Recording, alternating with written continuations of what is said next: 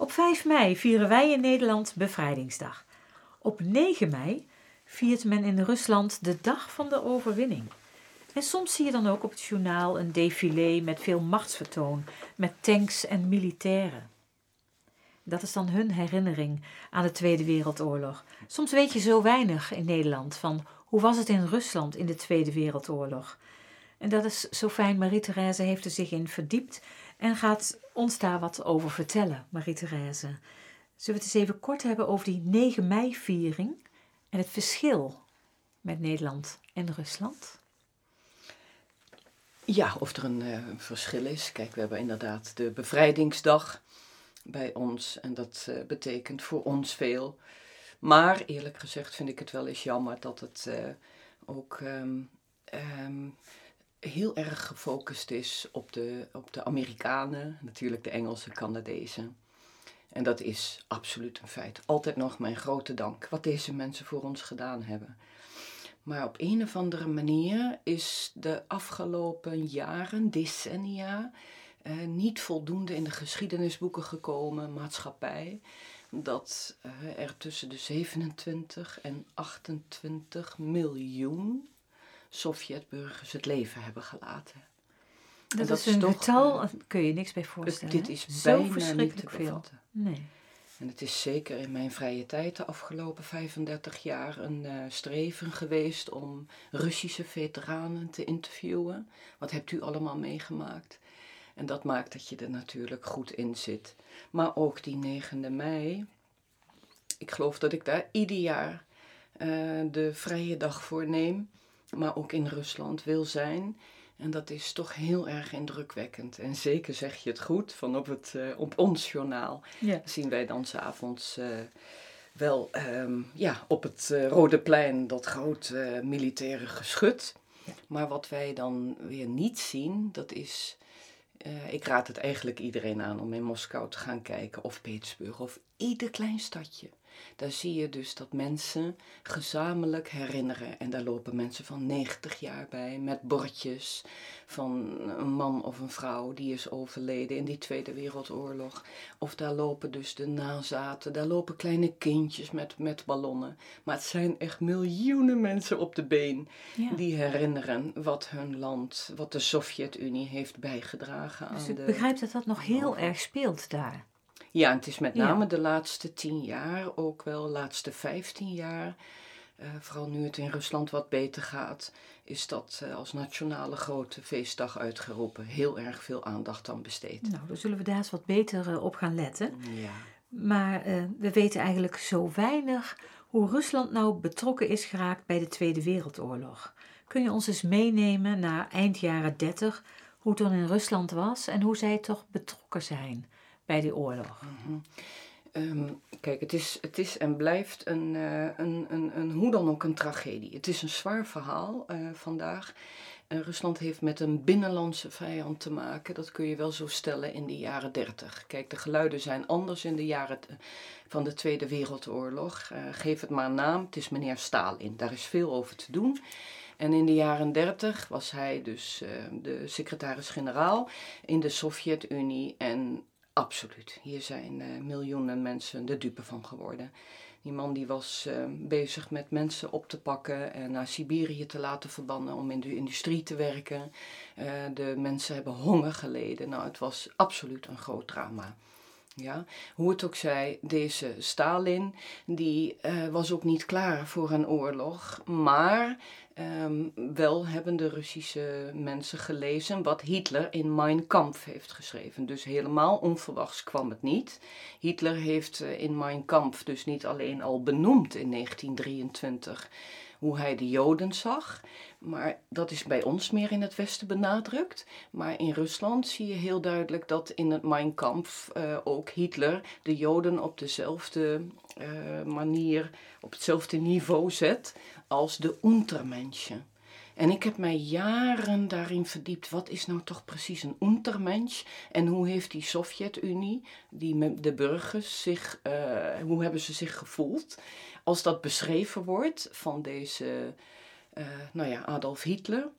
Eh, wat een untermensch dus is. Zeg maar een middeleeuws iemand waarbij de neus en de kaken en de oren helemaal scheef staan. En het zijn eh, eh, onwaardige mensen. Dus hoe het ook zij, we krijgen het jaar 1939 dat Europa al ehm, ja, voelt dat de oorlog eraan komt. Het is uiteraard de periode van Churchill, koningin Wilhelmina, we hebben Roosevelt. En, en dan is er in Rusland ook Stalin, die wel voelt de dreiging van Hitler-Duitsland. Dus Hitler wilde dan ook wel richting Rusland om dat land dan ook te onderwerpen. Ja, want ik ga, omdat we nu uh, even uh, een stap verder maken, daar is in deze podcast niet echt de mogelijkheid toe. Er is nog een jaar een niet-aanvalsverdrag geweest, waarbij Stalin zeker wilde zijn dat Hitler niet zou aanvallen. En Hitler moest, uh, wilde er zeker van zijn dat hij niet op twee fronten moest vechten. en dit heet het Molotov-Ribbentrop-pact. Mm -hmm. Een niet-aanvalsverdrag is heel veel over te zeggen. Nu niet, omdat we nu naar de Tweede Wereldoorlog ja. gaan in 1941. Ja. Goed, ik had begrepen dat Stalin heel veel mensen heeft opgepakt en in allerlei werkkampen heeft gezet. Mm -hmm. Had hij toen nog wel genoeg soldaten over om te gaan vechten? Ja, daar zit precies het probleem.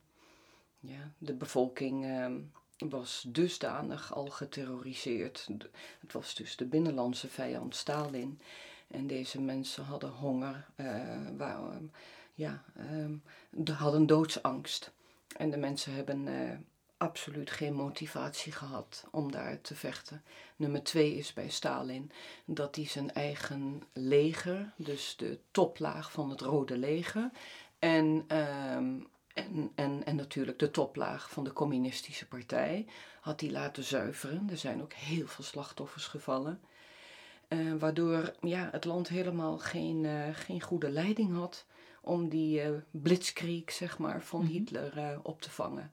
En nummer drie is de oorlogsindustrie was ook niet klaar. En dat gaat ook de gevolgen krijgen waarom het drama daar zo toeslaat. Dus Hitler die probeert dan toch wel Rusland te veroveren na een tijd. Ja. Ondanks dat verdrag, begrijp ik dan. Ja. En uh, ja, toen moest Stalin toch met een antwoord komen. -hmm. Heeft hij toen toch wel een leger op de been gekregen? Nou, je krijgt dan in 1941 uh, de generaals rondom Stalin hebben genoeg gewaarschuwd. Van Hitler gaat het uh, verdrag schenden, die gaat ons binnenvallen. En dit heet Operatie Barbarossa en dat begint op 21 juni 1941. En daar komt massaal het Duitse leger de Sovjet-Unie binnen. En dat is uh, dramatisch geweest. Hoeveel daar uh, is huisgehouden. Ik rij nog, uh, nou ja, zeg maar één keer in de maand over de A1 die in Nederland start, over Berlijn en dan naar Warschau. En vanaf Warschau kom je dus het Russische land binnen.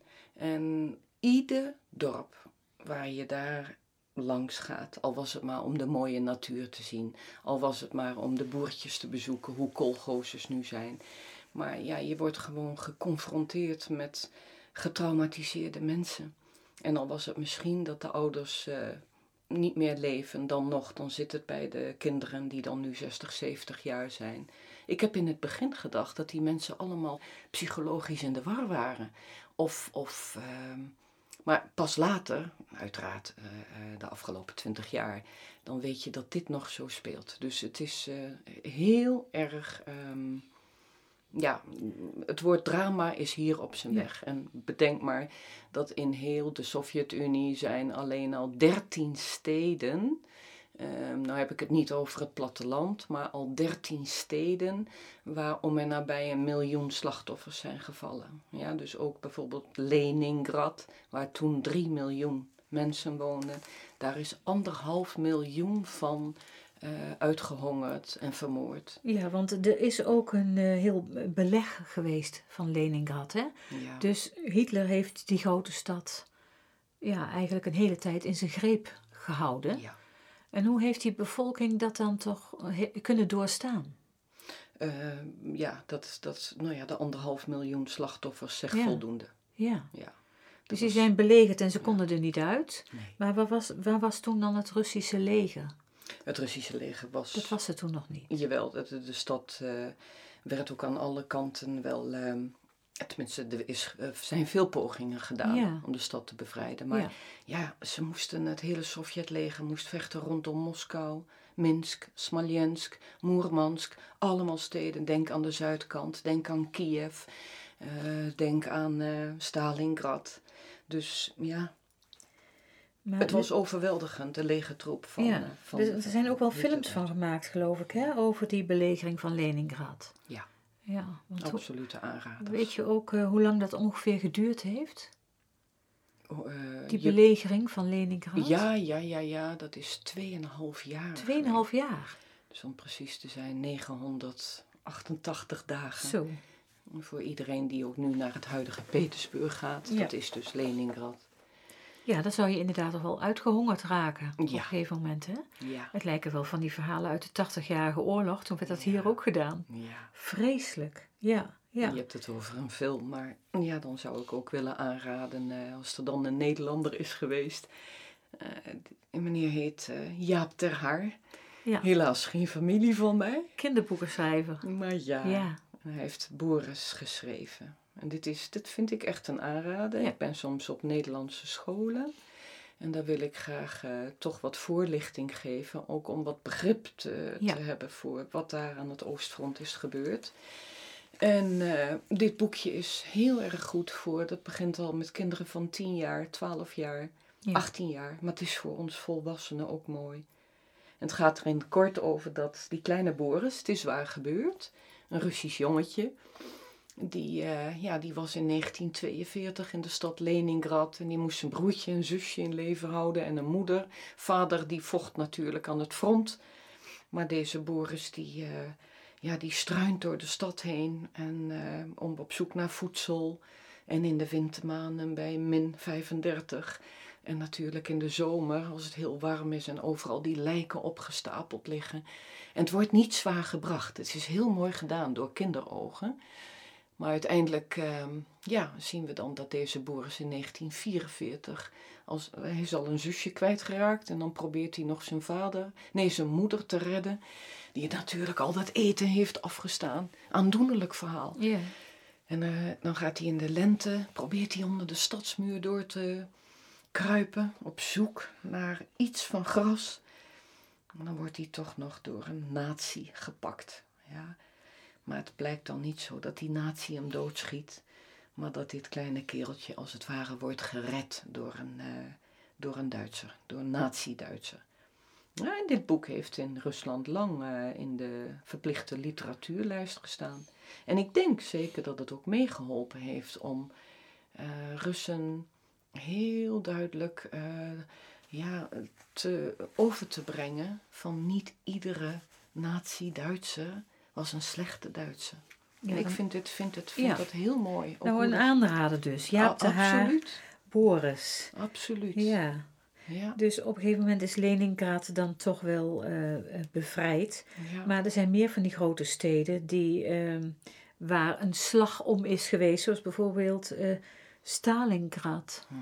Hè, daar is ook iets om te doen geweest.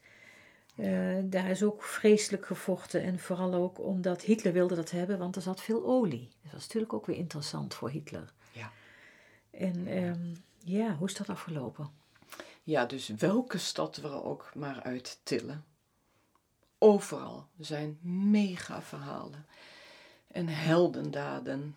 Ehm, maar dit wat je nu noemt, Stalingrad, is een keerpunt geweest in de Tweede Wereldoorlog. En dat niet alleen voor de Sovjet-Unie. Het is daarom ook zo belangrijk om misschien in het Westen iets meer uit te leggen. Dat stel je voor dat eh, de Russen of de Sovjets niet hadden stand gehouden in 1943, ja, dan is de kans heel groot geweest dat Hitler-Duitsland überhaupt de wereld had, eh, de wereldheerschappij had, ge- had gekregen. En dan kun je je afvragen of wij vandaag de dag onder deze Mhm. Duitse heerschappij hadden geleefd. Ja. Maar het is zo, ehm, die inderdaad, Stalingrad is zeker even nog om de uit te tillen. Dus 1941 tot 1943 is het overal in Europa Eh, niet te vergeten ook in de, aan de oostkant bij Japan. Een drama bij Nederlands-Indië. Maar ehm, ja, ook in Rusland, in de Sovjet-Unie, is het erop of eronder. En dan, ik, ik weet nog goed dat ik een keertje in een van de boeken op Paleis het Loo over koningin Wilhelmina las. En dat was echt geen fan van eh, het communisme, net als Churchill niet. Uh, Roosevelt was een beetje de man in het midden. Hè? Ja. Maar deze, dit moment om toch bewust te zijn van dat het grote belang hiervan, dat de Sovjet-Unie zou standhouden, ja, dat is, dat is duidelijk. Dus die belegering begint in augustus 1942. Massaal gaan daar, liggen daar een miljoen uh, nazi's uh, rondom de stad Stalingrad. En uh, de bewoners zijn dus ook ingesloten. En dan gaat Stalin ook veel Sovjets oproepen met een speciaal decreet. En dit decreet in het Russisch heet Nishaka Nazad. En dat betekent geen stap terug. Dus Stalin vreed, maar wel door dit decreet heeft hij dus aangegeven. Iedereen die zich niet doodvecht tegen de Duitsers, ja, die kan alsnog rekenen op een kogel van. Uh, oh, dus ja, je moest wel. Het, het, je moest. Ja. Je moest. En dat is een half jaar een, een, een drama geweest. Uh, ook hier weer veel informatie, documentaires over. En dan komt op 31 uh, januari, nee, dat is uh, 2 februari, in de hele vroege ochtend, het bericht um, bij Churchill. En natuurlijk uh, Amerika. En zodoende komt het ook in Nederland. Hè? Maar koningin Wilhelmina, die, die woonde uiteraard in Londen. Ja. Maar dan kreeg ze in de hele vroege ochtend, half zeven, te horen het grote bevrijdende bericht: de Sovjets hebben stand gehouden. Ja, het schijnt dat uh, de koningin niet eens uh, tijd heeft genomen om uh, zich te verkleden, zeg maar. Over haar ochtend- of nachtkleding heeft ze die dikke zwarte of zware bontje mantel gedaan. En haar adjudant Dumonceau, ja, die mocht niet eens de, voor, de auto voorrijden. Ze wilde lopen naar de radiostudio om het Nederlandse volk Aha. maar op de hoogte te brengen. Nederlanders houdt vol. Ja. Ja, hier is het keerpunt in de Tweede Wereldoorlog. Hitler is, is verslagen bij Stalingrad. Ja, ja. Dat is een grootse overwinning geweest. Nou ja, dat gaf de, Ja. de burger wel weer moed, om het dan maar zo te noemen. Hè? Dat dat was gebeurd. Maar goed, we, we moeten nog verder vechten eh, in die oorlog voordat er eindelijk vrijheid is. Ja. En ehm, eh, Stalin die moet misschien toch wel overleg hebben met Churchill enzovoort. Is dat ooit gedaan? Hebben die mannen contact met elkaar gehad? ja, zeker. En dat is, eh, hierop volgt dan al de eerste conferentie. Ja. Eh, dat is een conferentie, het meeste is bij ons bekend van Jalta, Ja. hè, 1944 of 45. En de conferentie van Potsdam. Hè, dan is de Tweede Wereldoorlog, dat heet in Europa, voorbij. Maar die allereerste conferentie, die volgt dus op die slag bij Stalingrad. En omdat Stalin daar wel, eh, ja, ook als machtige tevoorschijn komt. Nogmaals, er was een driemanschap. Maar dat is de conferentie in Teheran. En daar zie je ook eh, Winston Churchill zitten. Ja. Ja, Stalin en natuurlijk Roosevelt.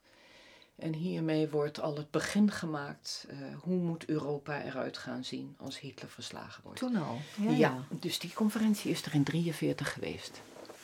Maar goed, we waren nog lang niet zo ver, want we moesten Nee. ook nog de, Ja. de slag van Normandië door. Hè? Dat was dan in 44. En eh daar waren de Russen niet bij betrokken, want toen kwamen dus de geallieerden daar eh, naar Normandië. Ja. En waren de Russen toen nog aan het vechten aan de oostkant? Ja, vreselijk. Ja. vreselijk. Ja, Al hun eigen steden, al Ja. hun eigen eh die moesten ze dus nog bevrijden. Ja, Dus zij kwamen van het oosten en vanaf het westen kwamen dan de geallieerden om dan te proberen Hitler te verdrijven. ja. Dus zo ko- komen we dan in de slag bij Normandië in september 44. ja. Maar goed, zijn we er nog lang niet. Die Russen die, die bevrijden een stuk van Rusland. Komen ze dan ook richting Polen, ja. neem ik aan. Ja. En voordat ze in Duitsland zijn, duurt ook nog wel weer even. Hè? Ja. ja. Dus eh, van, van beide kanten, oost en west, wordt er dus, eh, worden er legers gestuurd om Europa te bevrijden. Uiteindelijk komen ze dan toch wel terecht in Berlijn. Hè? Ja. En daar zijn ook wel vele verhalen en films over. En ook wel zaken dat je zegt, ja, daar hebben die Russen nogal huis gehouden in, in Berlijn. Er zitten daar altijd twee kanten aan een zaak. En in oorlog gebeuren altijd de vreselijkste dingen. Ja. Dus het zullen vast niet alleen eh, de Russen zijn geweest die hebben huis gehouden. Nee, Nou, dat is een uh, vreselijk Maar jij hebt je daar ook eh, in verdiept, hè? In dat hoofdstuk. Ja, ook ik ben in, ook in Berlijn op zoek Ja. gegaan naar comité's, de verkrachtingen van de dames daar. Ja. Ja, ook hier ook weer eh, geweldige mevrouw, Anonima heet zij. Niet bij naam, maar ook weer een boek geschreven. En eh, zij probeert ook iets te nuanceren. Dat er opnieuw ook weer Russische eh, generaals waren die uiteraard een verbod hadden op verkrachtingen van vrouwen. En ze probeert achtergronden te zoeken. Ze gaat op zoek naar wat er in de Sovjet-Unie is gebeurd. Ja. Maar om dat toch even dan kort te zeggen, want ook dat verhaal heeft bij ons, eh, is in het Westen eh, uiteraard, ook vooral in de Koude Oorlog, eh, eruit getild. De verschrikkingen eh, door de Russen in Oost-Europa. Met heel veel waarheid en ongetwijfeld is dit een feit. Aan de andere kant, ja, probeer ook te zien op het moment bij de- die slag bij Stalingrad. Dat eh, Stalin dus eist van eh, zijn Sovjets dat ze niet alleen hun eigen land gaan bevrijden, en die Sovjetrepublieken, maar dat ze verder eh, moeten gaan tot aan Berlijn. Eigenlijk het doel was van Stalin om Hitler zelf te pakken te krijgen. Hè? Ja. Maar goed, dan is dus die Sovjetsoldaat die bijvoorbeeld aankomt in zijn eigen dorp of stad. Vooral de dorpen hebben hier erg onder geleden. Dan ziet deze Sovjetsoldaat, eh, die hoopt zijn familie terug te zien. Maar hoe moeder en zusjes en vrouw allemaal daar opgehangen voor deze houten barakken. Hele dorpen uitgemoord. Ja, je ziet gewoon eh, hoe er daadwerkelijk is huisgehouden op de untermensch, om het maar weer even Ja. te noemen. Dus veel van deze Sovjet-soldaten, die heb ik ook gesproken, ze, ehm, ja, zijn absoluut getraumatiseerd. Ja. Velen hebben ook gezegd het was beter geweest dat mijn oom of mijn vader gelijk was gestorven. Ja, Mhm. dit, dit hadden ze niet meer moeten meemaken om nog 40 jaar te leven. Maar kortom, dan krijg je de eerste ja, ehm, ze komen dichterbij en dat is eh Koningsbergen. En daar woonde vooral de oude adel van het eh, Duitse Rijk. Daar zijn later veel officieren van Hitler terechtgekomen. Koningsbergen. En dat ligt op de route, dat kun je vandaag zien op de kaart, tussen Polen. Ehm, het, het ligt dus boven Polen. En mm, dat heet nu Kaliningrad. Ja, dat is het oude Oostpommer. Ook geen details, allemaal op te zoeken. Ja. En, eh, maar die, hier is wel, hier woonden dus de Duitse adellijke families. En de vrouwen en de, en de grote boerderijen die je daar had. Kastelen, prachtig gebied. Maar dit is het eerste stuk waar de Sovjet-soldaat aankomt. En wat er overbleef van deze ehm, families. Dus Duitse families vooral. En Stalin eist dan dat hij dit gebied gaat eh, krijgen bij een van die conferenties. En dat dat niet meer Duits wordt, Koningsbergen, maar dat het voorgoed Russisch gaat worden. Sovjet-Unie. Het was een Heet soort compensatie. Kaliningrad. Ja, Ja, ja. los van alle, alle, alle besprekingen later Ja. bij de conferenties over Finland, over Griekenland. Maar dit hoorde bij de eerste, eerste punten eh, van Stalin. Goed, en dan gaat die Sovjet-soldaat vervolgens verder en komt dus aan in Berlijn. En daar is dus absoluut in Oost-Berlijn, waar dus Duitsers eh, nog in leven waren, want er was flink gebombardeerd op Berlijn. Ja. Maar dan zie je dat deze drama's zich afspelen, de verkrachtingen. Mm. Ja. Een zwarte bladzijde, inderdaad. Hè? Ja. Ja, dan komen de Amerikanen, de Engelsen en de Russen en die willen dus de stad Berlijn opdelen. Ja. Dat is in die tijd ook gebeurd. Ja. En ja, dat heeft eigenlijk heel lang geduurd, hè? Dat eh, Berlijn een onderdeel is geweest van het, eh, achter het ijzeren gordijn noemen we dat dan maar. Ja, Maar dat is pas later. ja. Ja, inderdaad. Er is dus ook een conferentie geweest in Potsdam, zoals je al, al zei. En daar hebben de bondgenoten die zijn al aan het verdelen gegaan. En, en heeft Stalin daar dus ook gezegd dat hij dan een gedeelte van eh, dat Oost-Duitsland wilde hebben? Wa- Wat dan Polen was en zo? Ehm, ja, dus ehm, je bent nu even bij Berlijn aangekomen. Ja, En vlak hieraan voorafgaand, en dus de, de, de hele slag om Berlijn. ehm, en dat is, Hitler is nog in leven. Hè? Eh, het is 20, 20 april, dat drama. eh, dat de Sovjets zo snel dichterbij komen onder leiding van Zhukov. Uiteraard was er ook aan de westerse kant met Eisenhower en Montgomery ook wel een race, zeg maar, ook zo snel mogelijk in Berlijn zijn. Berlijn aan de komen, westkant, ja. ja. Maar Hitler is nog in eh, leven. Het is dus ja, die man eh, paranoia. 20 april was zijn verjaardag, geloof ik. En hij leeft in de bunker. En hij, eh, hij, hij is nog getrouwd met zijn Eva daaronder in die bunker. Maar wat speelt zich net af tussen zijn verjaardag en zijn zelfmoord op 30 april? Dat is dat bij de, de stad onder Berlijn, dat is Leipzig, ehm, daar ligt een heel klein plaatsje Torkau. En daar stroomt de Elbe. Dus aan die zuidkant van Berlijn komen dus ook aan de oostkant de Sovjets. ehm, ja, De troepen komen daaraan. ja, en, aan de westkant dus de Amerikaanse Mhm. troepen. Ja, Dus ergens treffen die twee elkaar. bij de Elbe. Ja, bij de Elbe. En dat, dat is dus op 24 april. Ja, dus in die Ja. laatste tien dagen dat Hitler nog leeft, speelt zich dit hier af. Ah, ik vind dit zo ook weer, weer een ander indrukwekkend moment.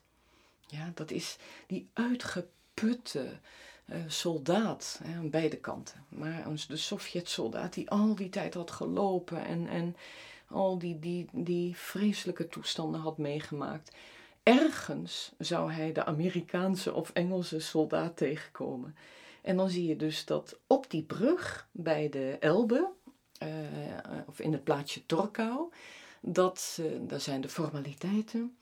En dan zie je dat die Amerikaanse soldaat, ja, die, die, die vliegt als het ware de, de Sovjet-soldaat in de armen. Aha. En weet je, ze kunnen elkaar helemaal niet verstaan. Maar ook als je die beelden ziet. En ik heb dus ook weer een Russische veteraan mogen interviewen. Meneer Vladimir Borisov. Hij is nu dan 96. En hij heeft daar aan de Elbe gestaan. En hij kreeg een horloge van die Amerikaanse soldaat. En ze zouden elkaar brieven schrijven. ja. En gedanst. En er werd eh, Zo. uitgeputte soldaten. Maar ze hadden dus op dat moment één ding gemeen. Ja. Ze waren bondgenoten Ja. en ze hadden beide Hitler Duitsland verslagen. En in die sfeer, ja, dat is gewoon. ehm, eh, je, je kunt er nog steeds ieder jaar naartoe gaan in Torkau, hoe, hoe dit herdacht wordt. Maar misschien ook daarom dat de Duitsers vandaag de dag, Mhm. ja, dat heb ik misschien al een paar keer gezegd in deze podcast, die zijn niet alleen economisch zo bezig in Rusland tot en met op maatschappelijk gebied en met allerlei projecten. Maar de meeste projecten die ik zie van de Duitsers, nu dus, het heden, ja, dat is met deze Wiedergutmachungsprojecten. Ontroerend. En of je nou in de Oeral bent, of je bent in Smolensk, eh, Leningrad, of je bent in de dorpjes, dat de Duitsers nu allemaal eh, eh, kerken gaan opknappen in de Sovjet-Unie met glas- en loodramen of nieuwe iconostases, noem het allemaal maar op. Maar het zijn eh, ja, ook, ook hierin om eh, ja, dat, eh, dat we tot elkaar kunnen komen. En uiteraard ook om in te zien eh, wat daar is huisgehouden aan de Duitse kant. Ja. Inderdaad, maar jij zegt dus hiermee dat eh, de Duitsers daar allerlei mooie projecten in Rusland doen. Ja. Dus zij zitten niet meer vol haat naar elkaar toe, van beide kanten dus. Vanuit Rusland ook niet richting de Duitsers. Eh, Als ik het je goed begrijp, zijn zij nogal vergevingsgezind naar beide kanten toe. Terwijl wij hier heel lang, eh, nou dat niet konden, onze ouders niet.